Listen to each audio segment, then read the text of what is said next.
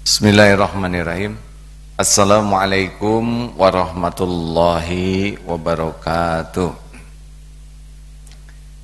Alhamdulillah, alhamdulillah, alhamdulillahi rabbil alamin alladzi khalaqal mauta wal hayata liyabluwakum ayyukum ahsanu amala wa huwal azizul ghafur. Allahumma salli wa sallim wa barik ala sayyidina Muhammadin wa ala alihi wa ashabihi ajma'in. Semoga Allah yang maha menatap, maha mendengar, maha dekat, maha menyaksikan, maha menguasai dan maha menentukan segala-galanya mengaruniakan kepada kita ahsanu amalan amal-amal yang sangat baik yang baiknya sampai ke lubuk hati dan kebaikannya diterima oleh Allah Subhanahu wa taala. Amin ya rabbal alamin. Hadirin sekalian, kali ini kita akan membahas karunia Allah yang berupa kemampuan mengingat dan bersikap tanpa kita sadari. Bagaimana caranya supaya ingatan itu ada pada diri kita dan positif. Ternyata kajian ilmiah maupun kajian secara ruhiah penting sekali untuk menyadari input-input yang kita sampai kepada kita sehingga kita pun memiliki kemampuan mengingat dan menyebarkan hal yang baik. Secara teori ilmiah ada lima hal yang membuat kita bisa mengingat sesuatu.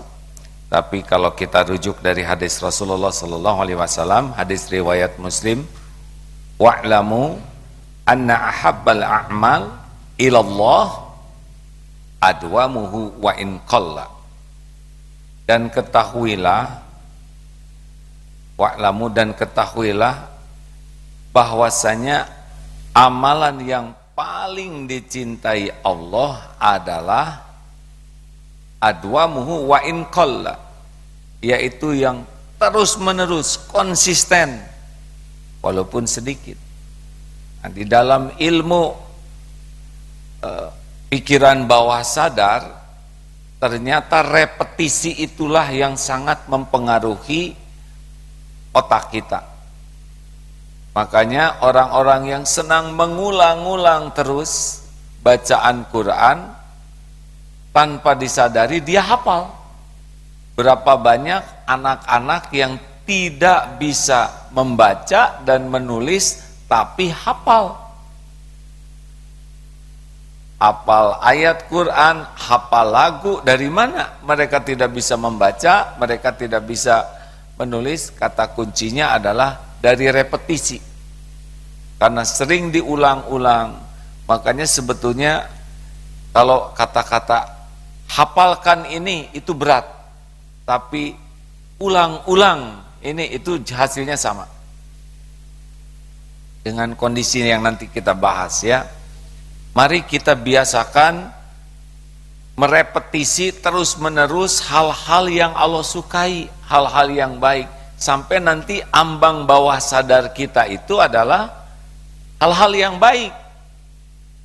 Jadi kalau kita terus merepetisi insya Allah saya sehat, dengan izin Allah saya akan kuat, dengan pertolongan Allah saya akan berhasil. Terus hal-hal positif, maka nanti dalam pikiran kita tuh akan positif. Tetapi kalau yang kita ulang-ulang, ah susah nih wabah kayak gini. Ya, ini mbak repot nih, gak ada ujungnya. Terus kita kasih input diulang-ulang. Wabah ini menyusahkan, wabah ini membuat uang habis. Terus yang negatif kita kita pikir belum lagi informasi dari luar negatif, negatif ya jangan heran. Nanti ambang bawah sadar kita itu adalah justru hal yang negatif. Maka kita harus disiplin menjaga pikiran dan hati kita, rekan-rekan sekalian, dan sebaik-baik uh, hal yang positif pasti adalah ayat-ayat Allah, hadis-hadis Rasulullah, kata-kata yang manfaat, yang gembira, yang positif, yang membuat kita bersemangat, optimis, dan itu harus kita masukkan terus, terus menerus, sampai di dalam diri kita tuh terbentuk pikiran bawah sadar yang selalu bersemangat untuk memberikan solusi, dan itu pun akan berdampak pada kebahagiaan dan kesehatan.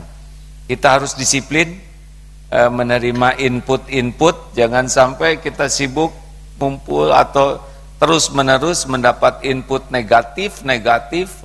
Dan juga hati-hati kepada anak, kamu ini bodoh, kamu ini males, kamu ini gak akan sukses, terus terus sampai nanti anak itu terbentuk bahwa dirinya bodoh, dirinya ini tidak bisa apa-apa, dirinya ini lemah. Karena kata-kata negatif itu konsisten keluar, nah ini bahaya. Ayat surat Al-Ankabut, Ustaz, maaf. Ayat 69 ya. Silakan. Surat Al-Ankabut ayat 69 surat ke-29. أعوذ بالله من الشيطان الرجيم والذين جاهدوا فينا لنهدينهم سبلنا وإن الله لمع المحسنين dan orang-orang yang berjihad untuk mencari keridhaan kami kami akan tunjukkan kepada mereka jalan-jalan kami dan sungguh Allah beserta orang-orang yang berbuat baik. Kesungguhan kita ya melakukan hal yang Allah sukai terus-menerus itu akan mendatangkan lebih banyak lagi petunjuk dari Allah. Maka jangan pernah setengah-setengah di dalam bersungguh-sungguh merepetisi, mengulang-ulang memberikan input-input positif pada diri kita. Apalagi di dalam hadis Bukhari itu dan dan hambaku terus menerus mendekat kepadaku dengan melakukan amalan-amalan sunnah sampai aku mencintainya. Jadi orang-orang yang semangat terus merepetisi, mengulang-ulang amalan-amalan sunnah sesudah yang wajib tentu, maka yang dia dapatkan adalah cinta dari Allah Subhanahu wa taala.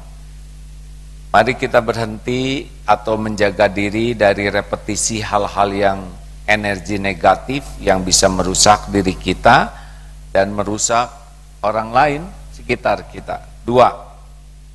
Yang kedua, ternyata eh, pikiran bawah sadar kita itu akan mudah kalau kita mendengar dari orang yang memiliki otoritas. Jadi begini, seperti orang tua, guru, pimpinan, ulama, atau orang-orang yang kita segani itu memiliki tenaga lebih untuk memasukkan sesuatu ke pikiran kita. Seperti tadi dicontohkan, kita ada bentol. Kata teman, wah Bentol kayak gitu mah, kutil kayak gitu mah, itu gejala kanker tahu. Kita paling ketawa, tawa apa kamu? Gak akan masuk ke pikiran kita. Tapi kalau yang bicaranya dokter ahli dan kita tahu beliau dokter ahli, ahli ya ahlilah. Lalu melihat, oh ini harus diperiksa lebih dalam lagi ini Sepertinya ada sesuatu yang harus dipelajari lebih dalam. Ada apa dok? Ah, coba-coba. Itu masuk ke pikiran kita. Nah, sekarang siapa saja yang kita berikan otoritas membuat kita percaya kepada omongannya ini? Biasanya orang tua, guru, tokoh-tokoh, makanya kalau kita berada pada orang yang otoritasnya itu baik usia, power, kedudukannya salah di dalam memberikan masukan ke kita itu di otak bawah sadar kita itu salah. Makanya kalau orang tua salah ngomong ke anak, guru salah ngomong ke anak, ya. Kemudian atasan salah ngomong, kan itu ada otoritasnya. Atau dokter salah ngomong atau siapalah yang kita percaya dan itu akan berbekas di dalam pikiran kita. Nah, kalau kita punya otoritas itu sebagai orang tua, sebagai guru, sebagai pimpinan, gunakanlah otoritas itu untuk memasukkan hal yang positif. Jangan kepada karyawan, saudara ini karyawan pemalas, saudara ini karyawan tidak berguna, dan terus itu nanti masuk tuh pada dirinya tuh. Oh iya, saya ini orang yang pemalas nih. Saya ini tidak ada ber, tidak ada prestasi apa pun yang dan kata-kata itu tidak membuat orang jadi berprestasi, tapi kata-kata negatif itulah dari otoritas yang membuat orang memang jadi tidak berprestasi karena dia percaya nanti di bawah di bawah sadarnya kata-kata itu akan membuat dia meyakini bahwa dirinya seperti itu. Ya, ilustrasinya tadi kalau ada yang oh ini gejala kanker, kita cenderung percaya dan masuk ke pikiran kita karena dia punya otoritas. Tiga, yang membentuk pikiran kita tuh lingkungan. Kalau kita berada di lingkungan, seperti sabda Rasulullah Sallallahu Alaihi Wasallam, bergaul dengan penjual minyak wangi, kita akan bawa harum. Bergaul dengan pandai besi, kita akan bau bakaran atau terperciki api. Jadi kalau kita ada di lingkungan yang kata-katanya kotor, jelek, ya lihat anak-anak ya anak-anak kan suka banyak yang masuk sekolah ke Darut Tauhid ini. Ada yang lengket sekali. Eh anjing. Eh, nonyet gitu. Nah, ini tidak akan keluar dengan sendirinya. Itu adalah buah dari lingkungan. Apakah lingkungan keluarganya? Keluarga monyet atau dari lingkungan teman-temannya? Anjing oh katanya begitulah maaf ya dan dia refleks saja itu. Sudah tidak ada sesuatu yang saya mohon maaf kalau kata-kata tadi terucap ya. Bukan sesuatu kesalahan udah refleks gitu. Dan itu yang diajak ngobrolnya juga ternyata eh ke mana nyet nyet nyet nyet. Begitulah ya. Tidak ada tersinggung karena frekuensinya sudah sama benar? Saya juga pernah mendengar ini aneh orang ngomong seperti ini. Oh ya, tapi tidak usah aneh. Dengan siapa dia bergaul? Nah, bayangkan kalau kita bergaul dengan orang-orang yang positif. Teman-temannya yang memotivasi, teman-temannya yang semangat, orang tuanya yang semangat, yang membangun, itu anak-anak tuh semangat guru-gurunya yang semangat membangun, itu murid-murid itu semangat. Ah, ingat dulu waktu pernah jadi apa ikut magang di sebuah usaha sales. Waduh, itu si manajer teh ngebakar semangat, tapi ya memang supaya dagangan dia laku ya. Waduh, pulang capek-capek teh mukulin tambu. Oh, semangat, semangat. Ya, mana no untung ya. Nah, hadirin sekalian, ayo ah kita cari lingkungan yang bisa memberikan energi positif kepada kita supaya makin kuat diri kita. Tapi kalau yang lingkungannya negatif, nauzubillah. Kita harus punya kemampuan untuk membaca dan memilih, memilah berkumpul dengan siapa karena itu akan berdampak. Oh, Aap melihat penelitian di Indonesia. Ini profesor siapa lihat videonya tentang kecambah. Kecambah ini ada yang pakai lagu oh, rock, ada yang pakai beragam itu ada yang dangdut, ada yang pakai bacaan Quran. Ini ilmiah hadirin. Dan ternyata yang tumbuh dengan baik kecambah itu, kecambah nih bukan orang, adalah yang sering diperdengarkan bacaan Quran. Ini kecambah nih bukan orang nih kan. Toge Kan? Toge aja terpengaruh itu oleh hal yang positif. Maka seharusnya dengan bacaan Quran yang ikhlas dibacakannya, ya.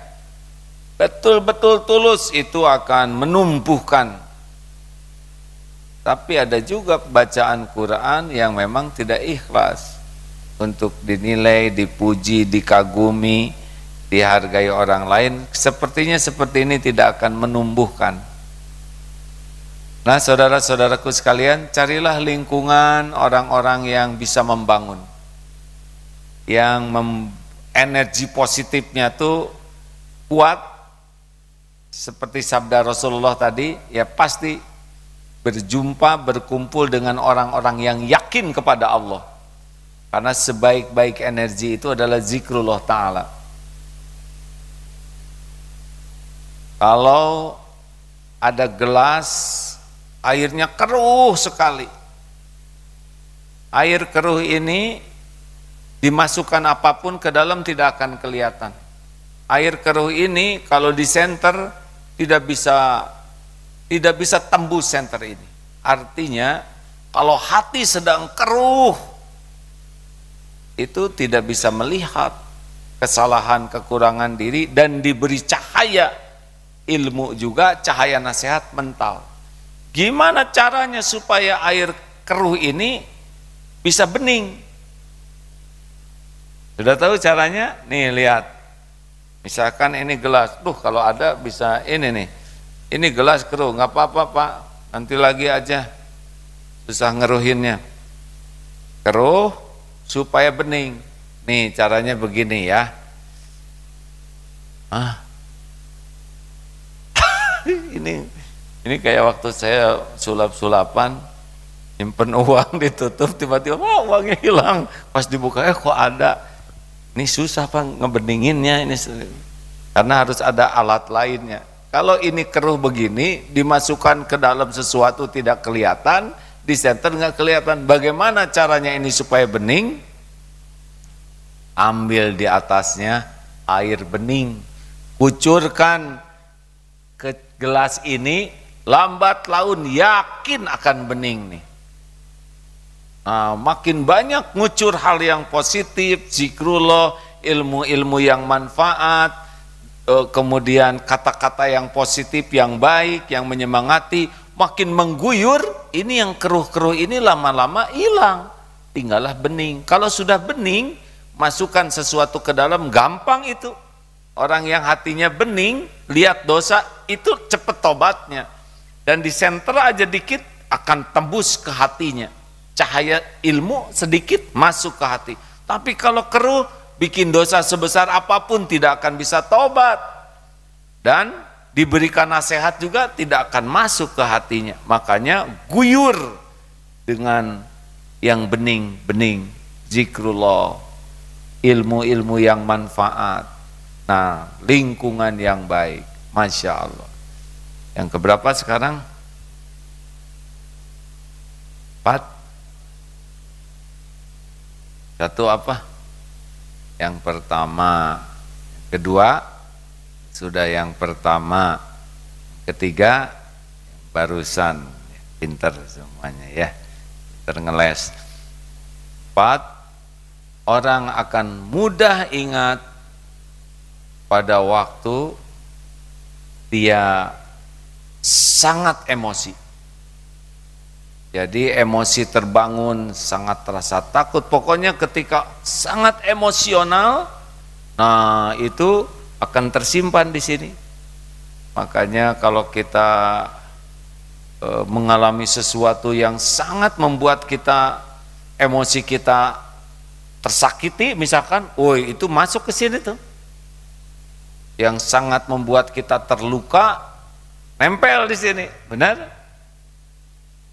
Banyak kata-kata baik, tetapi ketika ada kata-kata yang sangat menyakiti, wah, oh, itu dia.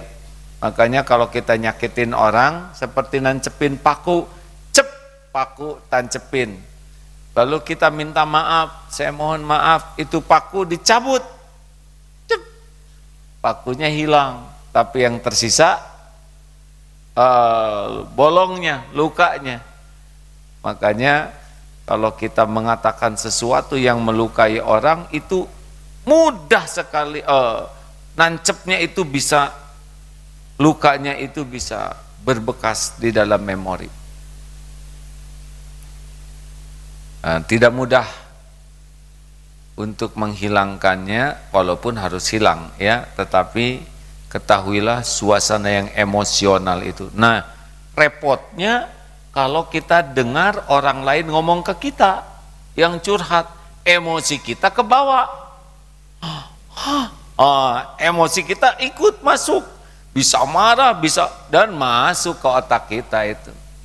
Jadi kebayang tuh orang-orang yang suka mendengar curhat tidak dalam kondisi keimanan yang kuat, mental yang stabil, emosi terbangun dengan omongan negatif rusak itu kita.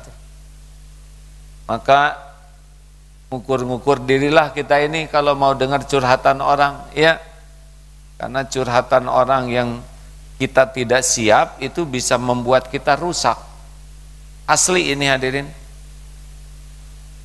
Saya sering dengar orang curhat, ya kepikiran, Wah kalau gitu gimana ah, para konsultan, para ustadz, ya kita harus benar-benar e, memiliki kemampuan untuk mengalihkan energi negatif itu menjadi positif. Kalau mendengar curhat, kita jangan kebawa menderita, tapi bagaimana mengubah penderitaan dia menjadi sesuatu yang positif. Nah, yang bahaya itu kemampuan kita untuk mengalihkan dari negatif ini ke positif belum ada. Lalu kita termakan oleh berita informasi negatif itu sehingga rusak. Dan kita akan menjadi seperti itu. Bahkan ada 10 penelitian katanya, eh satu penelitian, kalau pernahkah kamu dengar orang 10 orang yang terus mengatakan sesuatu dan engkau jadi mengalaminya? Terus saya ini nggak punya uang, susah uang, susah uang, susah susah dan dia jadi mengalaminya. Ah, saya mah lulus ya. Teh susah nggak lulus dan betul-betul dia pun jadi mengalami karena sudah jadi terbentuk pada memorinya. Nah ini secara syariat hadirin ana inda abdi bi aku sesuai dengan prasangka hambaku jadi kalau kita sudah memasukkan negatif-negatif terus, maka prasangka kita ke Allah juga negatif. Dan yang terakhir, memori kita ini akan lebih mudah mengingat ketika kita fokus dan senang. Sebetulnya fokus dan menyenangkan itu ada pada sholat. Sholat itu disebut tu'maninah, tu'maninah ini adalah kombinasi antara fokus dan senang. Allahu Akbar. Kita fokus ke Allah, tapi hati kita tuh senang. Harusnya sholat itu menjadi memori-memori yang indah, ya. Apalagi repetisi terus menerus. Ya ingat waktu camping, ya kita makanya kalau belajar dalam fokus tapi menyenangkan itu lebih mudah diingat. Tapi gimana ah kalau gurunya menegangkan, nanti yang diingatnya bukan pelajarannya, tapi gurunya. Ya kan? Harusnya dibuat suasana itu lebih rileks, lebih menyenangkan dan dibuat fokus sambil menyenangkan, itu memorinya akan uh, bisa menyimpan dengan baik. Tidak fokus tidak bisa dan tidak menyenangkan juga kalau sampai membangkitkan emosi yang tidak menyenangkannya itu yang akan nempel. Hadirin sekalian, eh, kita harus bertanggung jawab kepada diri kita sendiri untuk bisa memilih dan memilah energi orang lain yang akan mempengaruhi diri kita. Jangan sampai kita tidak disiplin sehingga kita membaca, melihat, bergaul dan konsisten dengan sesuatu yang merusak diri kita. Kita ini seperti spon. Kalau toge saja bisa begitu. Oh, salah satu penelitian ini ilmiah juga di sebuah kampus. A lihat fotonya. Di pintu itu ada dua, satu pohon pakai kaca begitu, di sebelah sana pohon. Hanya yang satu tiap orang ketemu mengatakan hal-hal yang baik. Kamu pohon yang baik, rindang, indah, bagus, kamu manfaat. Terus dikatakan ke pohon itu. Sedang satu lagi, kamu pohon jelek, nggak ada bagusnya sama sekali, rontok, lamu. Terus dikata-katain jelek. Dan pohon ini ternyata tumbuh bagus tuh yang diberikan kata-kata positif. Ini nyata hadirin. Sayang AA tidak memegang datanya, tapi browsing saja di internet. Kalau kecambah, kalau pohon, kalau binatang saja bisa menjadi lebih baik dengan input dan repetisi yang baik, apalagi manusia. Hati-hati terhadap repetisi buruk yang datang ke kita, kita disiplin, harus kita tahu apakah ini berdampak positif, negatif pada diri kita, kita harus punya kemampuan memilih dan memilah informasi, lingkungan, input, repetisi, otoritas orang. Kalau mau kita dengar dengan baik, harus kita yakini orang yang punya otoritasnya bagus. Sehingga energi positif yang mempengaruhi kita bagus. Jangan cari pemimpin yang tidak baik, dan jangan berikan otoritas kepercayaan kita kepada siapa pun baik oleh usia, status sosial tapi dia tidak memberikan efek positif pada diri kita. Mudah-mudahan ada manfaatnya sahabat-sahabatku sekalian. AA sudah tua. Nah ngomong tua ini juga lumayan nih berefek ya. Apa efek positif ingat nyebut tua, ingat mati. Jadi saya sudah tua, saya harus sangat mempersiapkan diri agar husnul khotimah. Saya ingin mengisi hari-hari saya dengan hal-hal yang baik, agar kapan pun malaikat maut menjemput, saya ingin mati dalam kebaikan. Saya harus berpikir baik, berkata baik, berbuat baik. Ah itu ingat mati yang membuat kita jadi semangat. Eh, abdi mages kolot eh terepae eh. Ah, segala karasa asam urat, kolesterol Gusti ini yang riut tuh itu karena ada orang yang tua tuh yang dipanggilnya yang negatif negatif terus. Makin mengkerut. Jadi kalau nyebut tua hati-hati ya. Nyebut diri tua tuh harus tua yang bisa membuat kita menyikapi masa tua dengan positif. Saya ingin masa tua saya bahagia sehat tidak menyusahkan orang, bermanfaat. Saya ingin masa tua saya bisa dinikmati dengan baik hari-hari. Nah, kita kalau menyadari begitu, disiplinlah. Jangan sampai kita membiarkan hal-hal meracuni pikiran dan kehidupan kita. Wallahu alam. Demikianlah sahabat-sahabatku sekalian, semoga ada manfaatnya sekedar bahan tafakur ini dari masukan beberapa pihak yang semoga dengan menyampaikan ini yang memberikan input mendapatkan pahalanya. Terima kasih selamat memilah dan memilih hal-hal yang baik yang Allah sukai. Subhanakallahumma bihamdik asyhadu alla ilaha illa anta astaghfiruka wa atubu ilaik. Assalamualaikum warahmatullahi wabarakatuh